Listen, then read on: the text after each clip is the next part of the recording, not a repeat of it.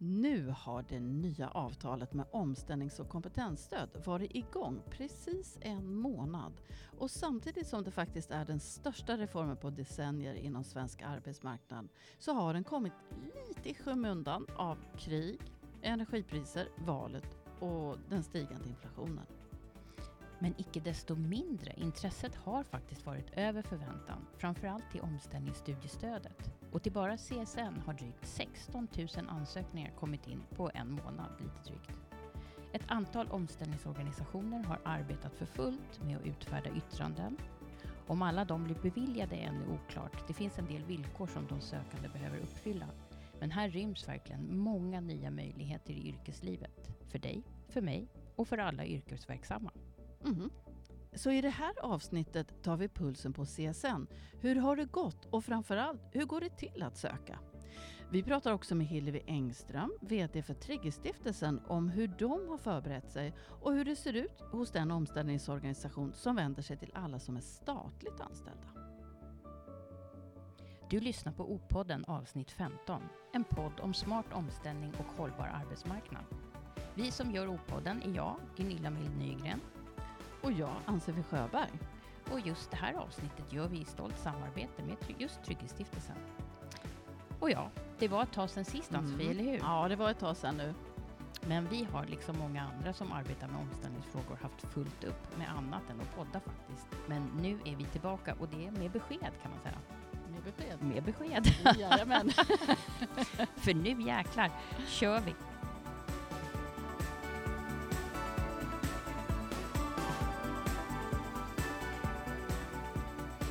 Säger välkommen till O-podden Hillevi Engström, VD för Trygghetsstiftelsen. Tack så mycket. Det är ju faktiskt precis ett år sedan du tillträdde. Hur eh, har på din nya tjänst som VD, hur eh, har det varit?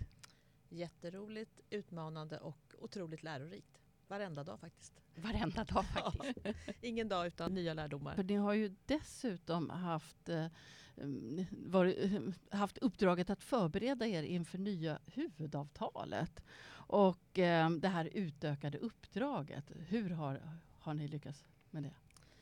Ja, vi har redan när jag började för ett år sedan så var arbetet eh, igång eh, sedan en, en tid tillbaka. Men sen har vi accelererat det och gjort allt vad vi kunde innan vi fick vårt eget avtal och det kom ju ganska sent. Det kom ju efter midsommar i somras. Mm. Och då blev det ju ännu högre tempo. Så vi gjorde allt vad vi kunde innan vi fick överenskommelsen. Och sen har vi haft kort om tid mm. efter det. Ni var bland de sista, eller hur? Ja, bland de sista. Mm, inte sista. Inte sist, precis. Men det var, du slängdes verkligen in i hetluften direkt. Ja, det, så var det ju. Mm. Sen kände jag att jag har ju haft, jobbat med arbetsmarknadsfrågor och kände att jag hade ju eh, en viss fördel i det. Och vi visste liksom lite grann utmaningarna och följt det här inom privata sektorn. Det har ju pågått i flera år där. Mm. Jo, det, det, det, har det verkligen gjort. Och vad är det lite mer konkret som ni, ni då har, har, har gjort när ni har förberedelserna? Ja, vi har ju satt en, uh, internt en, en projektorganisation för att säkra kvaliteten i varje led. Uh, och byggt det här medan vi har eh, jag brukar säga så här, vi har kört tåget medan vi har lagt rälsen. Mm. Vi har ju dels blivit en godkänd omställningsorganisation Eh, ganska omfattande material som Kammarkollegiet vill ha in. Och vi har också tecknat ett avtal med vårt administrationsbolag som ska sköta om de här ersättningarna till arbetsgivare. Och vi har ju SPV då, Statens mm. tjänstepensionsverk. Och så har vi satt metoder mm. och format en pilotgrupp och börjat så att det är färre av våra anställda som har jobbat med det här initialt för att mm. säkra kvaliteten. Mm. Mm. För det handlar alltså, vi kanske ska berätta lite mer om också. Det, var ju, eh, det handlar alltså om att man kan söka omställningsstudiestöd och vägledning. Och vad är det mm. mer man kan söka? Ja, sen är det ju rådgivning och också att man ska eh, kunna erbjuda det förstärkta stödet mm. till personer med ohälsa och sjukdom. Mm. Mycket av det har ni ju redan gjort tidigare, men vissa tjänster är ju helt nya. Mm. Men så är det ju. Vi har ju en lång erfarenhet. Vi har ju funnits i, i mer än 30 år. Så att eh, det mesta av det här jobbar ju vi med redan. Alltså att ha, hjälpa personer att komma vidare i olika karriärer. Men eh, en hel del är ju nytt och inte minst är det nytt också att vi ska yttra oss till en annan statlig, till en statlig myndighet, CSN. Och kommer ju på så sätt liksom att behöva, eller vi har behövt helt enkelt eh, säkerställa kvaliteten i det här. Mm. Mm. Vi kommer ju prata med Joakim eh, som är utredare på CSN också. Ja, okej. mm. Lite senare så kan han berätta lite hur Mm. det verkligen, alltså mer konkret går till. Men Mm. hur, hur bedömer man det här? För ni måste ju som omställningsorganisation bedöma arbetsmarknadens behov om en sökande ska ha en relevant utbildning som man sen går vidare ut i jobb. Mm. Hur har ni liksom jobbat med den omvärldsaspekten? Ja, det är ju att eh, ta till oss de, de källor som, som finns. Och där har vi tittat, tittar vi ju väldigt mycket på Arbetsförmedlingens eh, prognoser. Vad Yrkeshögskolan också har för prognoser om framtidsutsikter på jobb.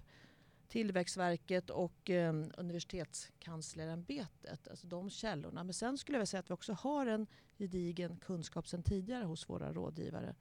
Som eh, vi har fått såklart eh, alla bäckar små. Eh, och jag skulle säga att vi har väl en, en ganska bra bild av arbetsmarknadens eh, behov. Men sen tror jag att där blir man nog aldrig klar för den ställer ju om så snabbt idag. Mm. Det händer Mm. så mycket så det Mm. gäller att hålla sig uppdaterad Mm.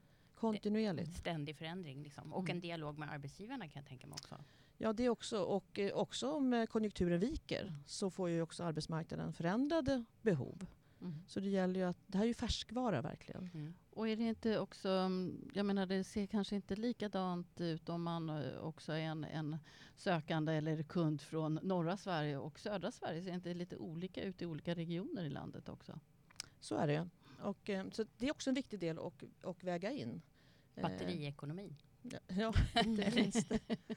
Eh, nej, men Det finns väldigt, väldigt många olika aspekter att ta hänsyn till och där är ju lagstiftningen tydlig. Liksom, att det ska ju stärka den enskildes förmåga till ett längre arbetsliv och arbetsmarknadens behov. Mm.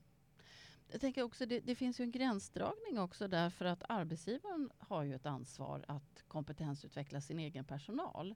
Eh, hur, hur går man tillväga att, för den gränsdragningen att avgöra att nej, men det här är, är sånt som arbetsgivaren borde eh, göra och nej, men det här är den e- enskilde personens eh, möjligheter för kompetensutveckling?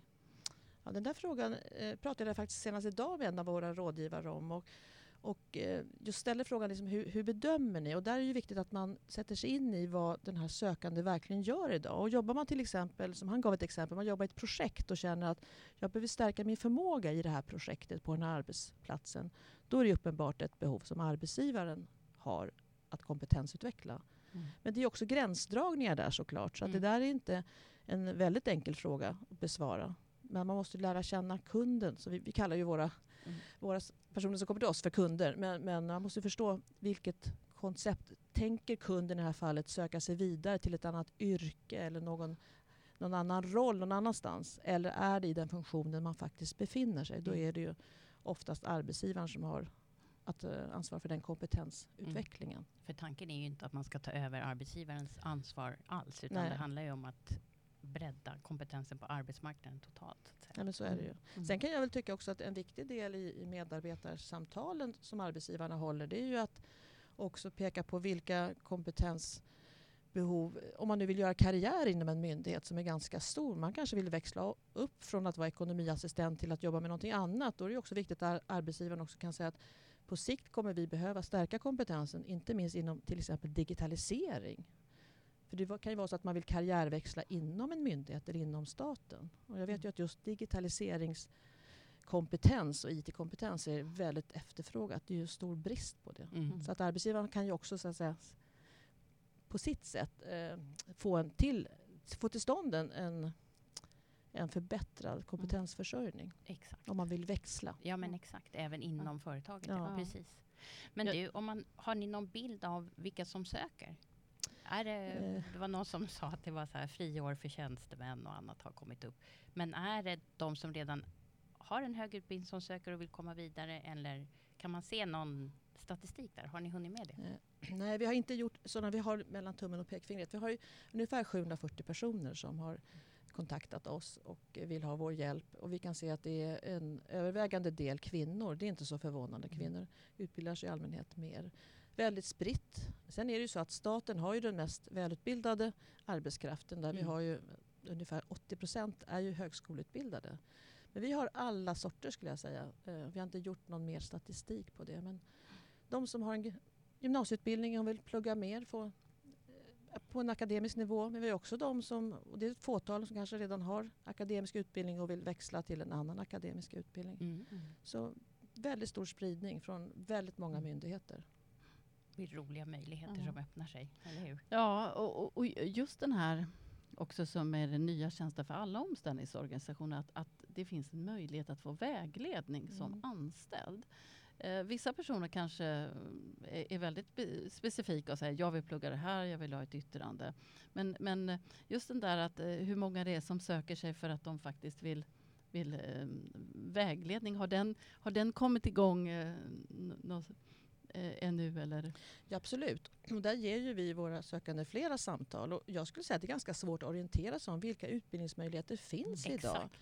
Eh, om man inte är inne på det spåret så är det svårt att veta. Det finns ju väldigt mycket nya sorters utbildningar på distans. Och det, kan vara, det behöver inte vara så många år, det kanske kan vara en termin, det kan vara kortare än så också. Inte minst kan det vara de här yrkeshögskolorna som verkligen finns till för arbetsmarknadens eh, behov. Så Mm. att, eh, jag tror den delen är otroligt viktig. Mm. Sen Det är kan man också många- få vägledning till att kanske inte ska studera, eller inte just nu. Så jag menar det, det där är en viktig del tycker jag i den här reformen. Mm. Mm. Och så finns det många specifika utbildningar. Ibland kan man kanske inte riktigt förstå ens vad det är, höll jag på att säga. Om man helt Mm. byter bransch. Liksom. Så kan det vara typ Mm. inom IT till exempel. Vad betyder det här? Vad är det? Liksom? Nej, men det är yrken som vi inte ens vet att de finns, brukar jag Nej. säga. Och där kommer yrken som finns idag försvinna och andra kommer till. Mm. Webbutvecklare, men det fanns ju inte för ett antal år sedan. Men det finns andra Ja. saker också. Mm. Så att, eh, det växlar jag tror att vi, Mm. det, vi behöver ha den här spetskompetensen som kan ge människor de bästa råden. Sen måste vi alla göra sin egen liksom, Mm. bedömning sen. Vad passar mig? Och, Är intresset förväntat? Var det ungefär vad ni hade räknat med eller är det... Jag skulle säga att eh, det är ett mycket större tryck än vad vi trodde. Och det grundar jag på att det har ju inte varit så mycket om man ska säga, reklam kring det här. Det är väl en del fackförbundspress som har skrivit en del. Men eh, det har ju inte varit allmänt känt. Sen är det så att de som har sökt nu, där kan man säga att många är i utbildning eller hade redan planerat utbildning Mm. att börja.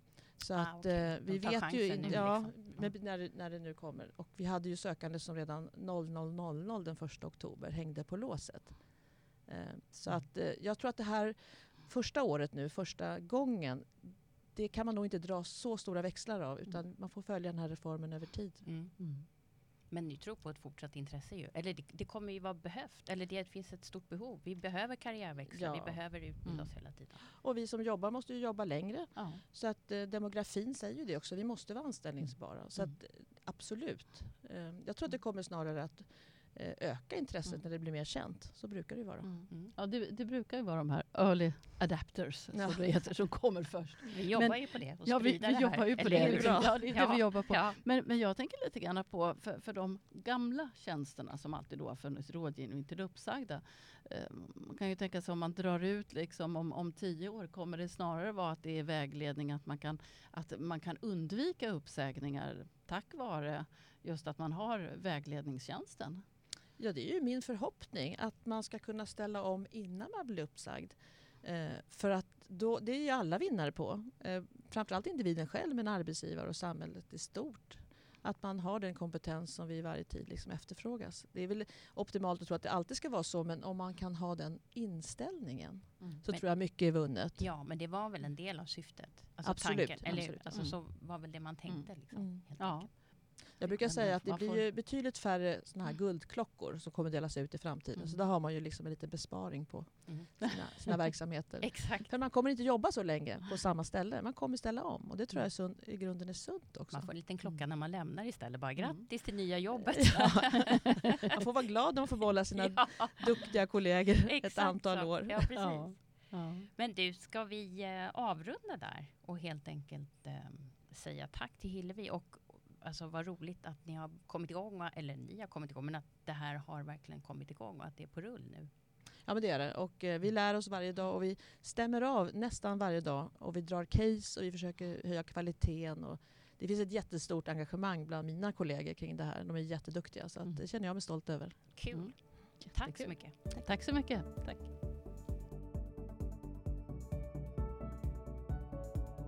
Eh, Jag hälsar dig välkommen till O-podden Joakim. Tack så mycket, jättekul att vara här. Intresset har ju varit långt över förväntan. Ni har fått in drygt 14 000 ansökningar sedan 1 oktober och nu när vi pratar så är det den 2 november. Varför tror du att intresset är så stort? Ja, men det här är ett fantastiskt helt nytt stöd. Det är väldigt generöst eh, och det ger ju väldigt goda möjligheter för en person som befinner sig på ett arbete, känner att jag behöver vidareutveckla mig i min, arbets, i min yrkesroll. Kan man ta en liten kortare utbildning och vidareutbilda sig. Och det är också en möjlighet för alla de som kanske känner att jag vill byta jobb, jag vill göra någonting helt annat, jag vill byta yrkesbana. Så det, det är väl det att det ger möjligheter till personer som tidigare haft väldigt svårt att ta det där steget och utbilda sig, att faktiskt göra det. Mm. Det är väldigt spännande faktiskt. Men jag läste någonstans, jag tror att Omställningsfonden hade gjort någon SIFO-undersökning där 54 procent, om jag inte minns fel, faktiskt anger att de vill byta yrke, bransch eller sektor, inriktning helt. Liksom. Så det finns ja. ju verkligen eh, en vilja där ute att göra någonting och även för arbetsmarknaden väl, att de får rätt kompetens. Ja, jag tänker på siffror jag sett från TCO när man har pratat med tjänstemän att det är ju väldigt många där som skulle vilja eh, ta någon sån här kortare utbildning. Men det är också väldigt många som innan det här stödet fanns sa att jag har ingen möjlighet att göra det för jag, jag klarar inte av att plugga på studiemedel helt enkelt. Exakt, så nu har man den, den, den ekonomiska barriären är borta lite grann, åtminstone delvis. Ja, Ja. Jag menar, har man jobbat ett tag, eh, vet ju alla, man drar på sig kostnader, man kanske har en familj att försörja, man har lån att betala och att då plugga med studiemedel kanske inte funkar jättebra. Det funkar jättebra för väldigt många, men kanske inte just för den här gruppen. Och då mm. är ju omställningsstudiestöd en fantastisk möjlighet. Mm. Jag vet att Timbro gick ut med någon debattartikel och kallade det för ett friår för tjänstemän. Finns det en risk för det, att det är de redan studievana, redan högutbildade som eh, kommer nyttja det här, eller? Äh, jag skulle säga att vi delar ju nog inte bilden att det här är som ett friår för att det här lämnas ju bara, det här omställningsstudiestödet lämnas ju bara för att man bedriver studier. Det krävs ju att man måste bedriva studier. Och det är också så att det är inte vilka studier som helst, man kan inte läsa vad man vill, utan det ska ju vara studier som har tydlig koppling till arbetsmarknaden. Så om man till exempel vill läsa en utbildning som leder till ett yrke där det är väldigt svårt att få jobb, kommer man antagligen inte att få omställningsstudiestöd. Eh, vill man läsa en utbildning som är så mer hobbykurs, självförverkligande, då kommer man definitivt inte få omställningsstudiestöd. Så igen, jag tror inte vi på CSN i alla fall delar bilden att det här skulle vara som ett friår. Nej, det handlar inte om kreativt skrivande och drejkurs liksom? Antagligen inte, nej. nej. Utan igen, tydlig koppling till arbetsmarknaden. Mm. Sen skulle jag också vilja säga att det finns den här bilden kanske att det här skulle vara för tjänstemän, men så är det ju inte. Det här stödet är till för alla. Visst, det kan vara en civilingenjör som känner att nu vill jag läsa de här kurserna i artificiell intelligens, AI, för att liksom bredda min kompetens. Det kan det ju vara. Men det kan ju lika gärna vara den här personen som sitter i kassan på ICA och känner att ja, men jag vill nog bli sjuksköterska faktiskt. Så det, det är till för alla. Mm. Det är spännande. Men du, hur söker man och vad, vad krävs för att eh, bli beviljad? Det finns vissa villkor ju som eh, är stipulerade. Ungefär hur ser de ut? Jag tänkte vi kanske kan börja med hur man söker då. Mm. Uh, man ansöker om det här omställningsstudiestödet på vår hemsida, alltså hos CSN. Man söker på www.csn.se. Men vi brukar ju alltid rekommendera att man går till sin omställningsorganisation först, för det finns flera fördelar med att gå till sin omställningsorganisation. Så att funderar du på att börja plugga och vill söka omställningsstöd, gå först till din omställningsorganisation. För att för det första så kan de hjälpa dig med rådgivning och vägledning. De kan alltså hjälpa dig att hitta vilken utbildning som passar bäst för just dig. Mm. För det andra kan de skriva ett yttrande till CSN. Vi kanske kommer tillbaka till det senare. Men om man kan få ett sådant yttrande från omställningsorganisationen så blir det väldigt mycket lättare att ansöka om omställningsstudiestöd. För det tredje så kan man ofta, i alla fall om man omfattas av ett kollektivavtal, få ett kompletterande studiebidrag från sin omställningsorganisation, alltså utöver de pengar man får från CSN. Så det finns alltså väldigt mycket stora fördelar med att gå till omställningsorganisationen först. Mm. Så vi rekommenderar att man alltid gör det om man funderar på att ansöka om omställningsstudiestöd. Mm. Och hur vet man vilken omställningsorganisation man tillhör? Ehm, så här, lite enkelt kan man säga att om du jobbar på en arbetsplats där det inte finns ett kollektivavtal, då ska du gå till Kammarkollegiet. Då har de en omställningsorganisation för dig. Ehm, I annat fall, om du har ett kollektivavtal då, och du inte vet vilken som är en omställningsorganisation så kan du prata antingen med din fackliga representant så kan de hjälpa dig. Ehm, du kan ibland också prata med din arbetsgivare som kanske vet vilken omställningsorganisation är. Mm det finns mycket stöd att få helt enkelt. Men du, om vi återgår till det här äh, yttrandet, om vi börjar där innan vi går in på villkoren. Vad är ett yttrande? Ja, för att få omställningsstudiestöd så krävs det att utbildningen du ska läsa, och nu citerar jag ordagrant faktiskt lagtexten, det ska vara en sån utbildning som stärker individens framtida ställning på arbetsmarknaden med arbetsmarknadens behov eh, i beaktande. Och det där är ju ganska klurig bedömning som man gör och regeringen har då tänkt att omställningsorganisationer är väldigt väl skickade att göra den här bedömningen. De, träffar, de kan träffa de som söker om omställningsstudiestöd, de har väl kännedom om arbetsmarknaden och hur den ser ut. De kan alltså göra en bedömning. Den bedömningen kan de skriva ner i ett yttrande, skicka till CSN och har de gjort det så kommer vi att fästa, eh, fästa vikt, alltså särskild vikt vid det yttrandet. Så har man ett sådant yttrande från sin omställningsorganisation så går det ju lite snabbare och det är lite lättare helt Mm, enkelt. mm. Okej, och sen så går vi vidare på villkoren. Ungefär kan du beskriva vem som är eh, berättigad till ett sånt här studiestöd om man vill. Ja, det finns väldigt mycket villkor så vi kan göra nedslag på de kanske tre viktigaste grejerna. Ehm, Det ena är att man måste ha en väldigt, man måste ha en långvarig och aktuell anknytning till arbetsmarknaden. Så man måste ha jobbat åtta år de senaste 14 åren och man måste också ha jobbat ett år de senaste två åren. Så det är ett villkor som man måste uppfylla. Ett annat villkor är att det finns ju åldersgränser i det här stödet. Eh, man kan inte få det här stödet innan det året man fyller 27. Det är absolut omöjligt, går inte. Man kan inte heller få det här stödet efter det kalenderåret man fyller 62. Går inte, absolut omöjligt. Ett tredje villkor som kanske inte är så känt, som man kanske ändå ska puffa lite grann, det är att innan det året man fyller 40 så kan man inte få det här stödet för att läsa en längre utbildning, alltså en utbildning som är längre än 80 veckor eller Ah, två okej. år. Mm. Så att om man är till exempel, säg att du är 30-35 och du tänker att nu ska jag läsa en civilingenjörsutbildning som är fem år. Det kan du göra, men då kommer du inte någonsin att kunna få omställningsstudiestöd. Då blir det vanliga studielån kort och gott. Då blir det vanliga Ja, exakt. Exakt. Är det många som har sökt? Har ni en känsla, många som har ansökt som inte riktigt har koll på de här villkoren? Att det är många av de här 14 000 som faktiskt inte ens är relevanta? Ehm, Jag kan inte säga hur många det är, men jag, jag vet ju att en hel del faktiskt finns det i den här, eh, i de, bland de här som har sökt. Jag ska också korrigera, vi har faktiskt 16 100 ansökningar Yay! fram till och med igår. Ja, Så, det- så det ökar hela tiden. Men, Gammal info, ja men, precis. ja, ja, men det, vi upplever att det finns nog en del bland de här sökande som mer har slängt in en ansökan på vinst och förlust. Alltså går det så går det. Mm. Eh, Som kanske inte riktigt tillhör målgruppen. Men du, också, eh, jag tänker på den här fördelningen mellan omställningsorganisationer. Du sa tidigare att det finns en liten notion om vad, vartåt det lutar, till exempel eh, inom statliga sfären eller privata tjänstemän eller LO-kollektivet. Har du någon eh, uppfattning? Jag kan säga att de vanligaste vi, vi ser bland de som söker eh, så tillhör de allra flesta tillhör Omställningsfonden som är en omställningsorganisation för de som är anställda i kommuner och regioner. Vi har också väldigt många som eh, tillhör Trygghetsrådet TRR som är omställningsorganisationen för tjänstemän i privat sektor. Mm. Och vi har också ganska många som tillhör Kammarkollegiet, alltså som folk som jobbar i, eh, på en arbetsplats där det inte finns ett kollektivavtal. Ah, Okej, okej. Spännande. Så det är de, så det är de vanligaste. Ja. Har ni sett någonting på ålder, kön? Har man kunnat... Eh, ja, ålder är ju som man kan förvänta sig en ganska jämn fördelning, alltså lite färre Mm. yngre, lite färre äldre och sen en, en kurva däremellan. Mm. Kön kan man säga att eh, 65 procent av de som har sökt, nu ska jag bara poängtera att detta är de som har sökt, det är inte Mm. samma sak som de som får.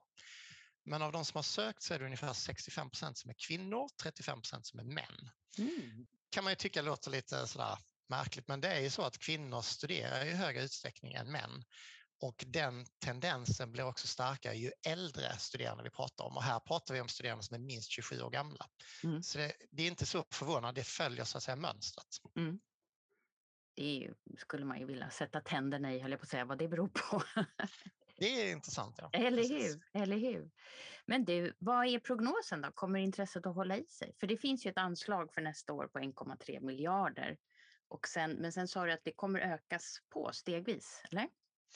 Ja, nästa år så är ju antagligen, vi, vi vet ju inte riktigt, det fram, kommer att framgå av eh, budgetpropositionen som presenteras nästa vecka, men det kommer antagligen vara 1,3 miljarder och det beräknas att det räcker till ungefär 8 800 studerande nästa år.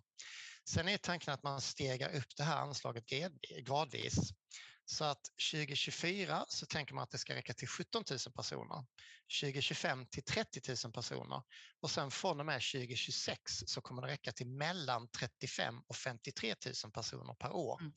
Normalt 44 000, men det där ska ju justeras beroende på konjunkturen. Så är det mm. väldigt lågkonjunktur så ska det kanske vara 53 000 och är det väldigt högkonjunktur så kanske det är 35 000 anslaget kommer att räcka mm. till. Mm. Men spännande. Ja, det låter ju faktiskt ganska bra. Det kommer bli mycket. Det behövs ju också, eller hur? Det är ju verkligen en, ett behov av en omställning nu på arbetsmarknaden. Det är både digitalisering, elektrifiering, you name it. Det finns ju otroligt mycket nya yrken som behöver kompetenta medarbetare. Ja, precis. Och det här stödet följer, fyller då den här kan man säga, luckan som finns. Som vi pratade om innan, eh, folk som har jobbat ett tag och dragit på sig lite kostnader känner att jag skulle vilja plugga men jag kan inte för jag kan inte finansiera det med studiemedel. Mm. Det här täcker liksom det gapet som har funnits. Mm.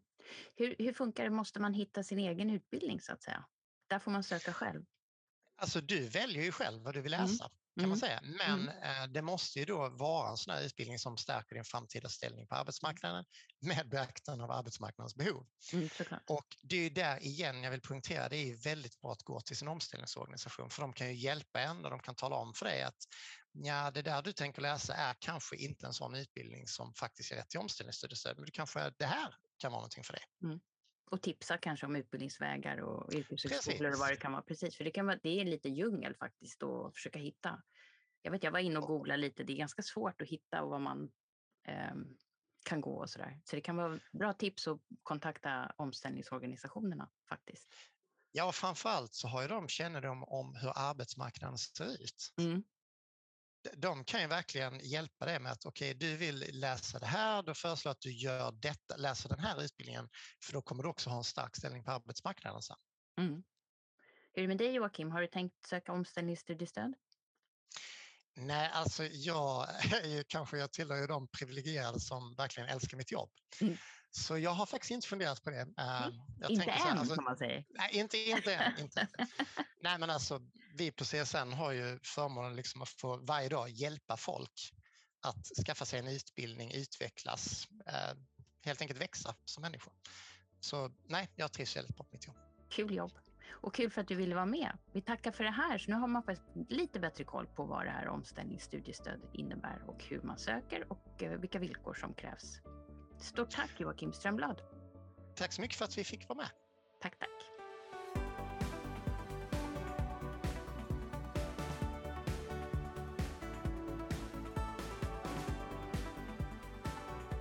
Ja, nu har vi lyssnat på Joakim Strömblad, utredare på CSN och Hillevi Engström, VD på Trygghetsstiftelsen, om hur det har varit den här första månaden av det utökade stödet till, eh, för kompetensutveckling på svensk arbetsmarknad.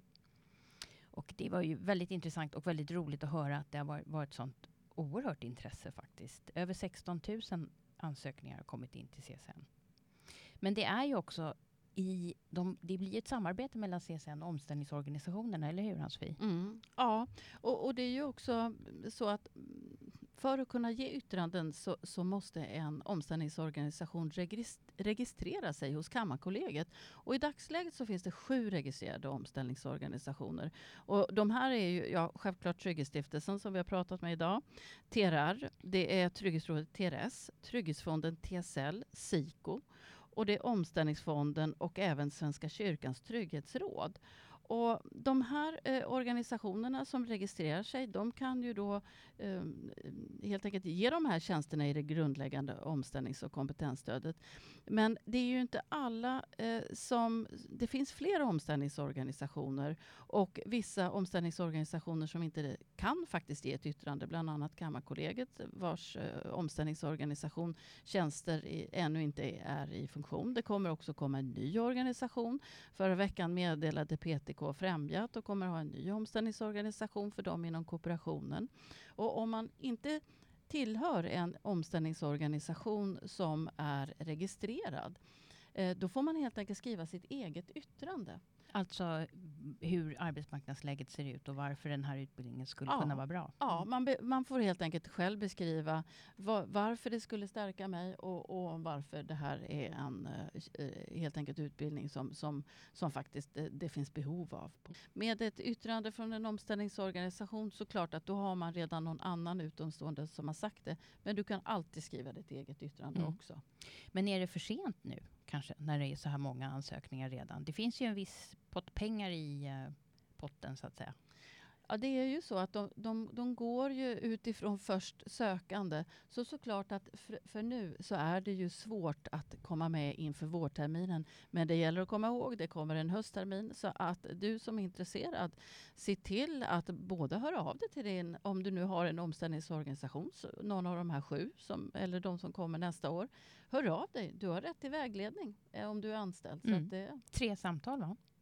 Min, minst, Minst tre tre samtal ska samtal. det vara. Mm. Så Mm. att det, och det gäller ju även eh, egenföretagare. De får ju eh, hjälp med yttranden. Den Mm. som Kammarkollegiets offentliga omställningsorganisation.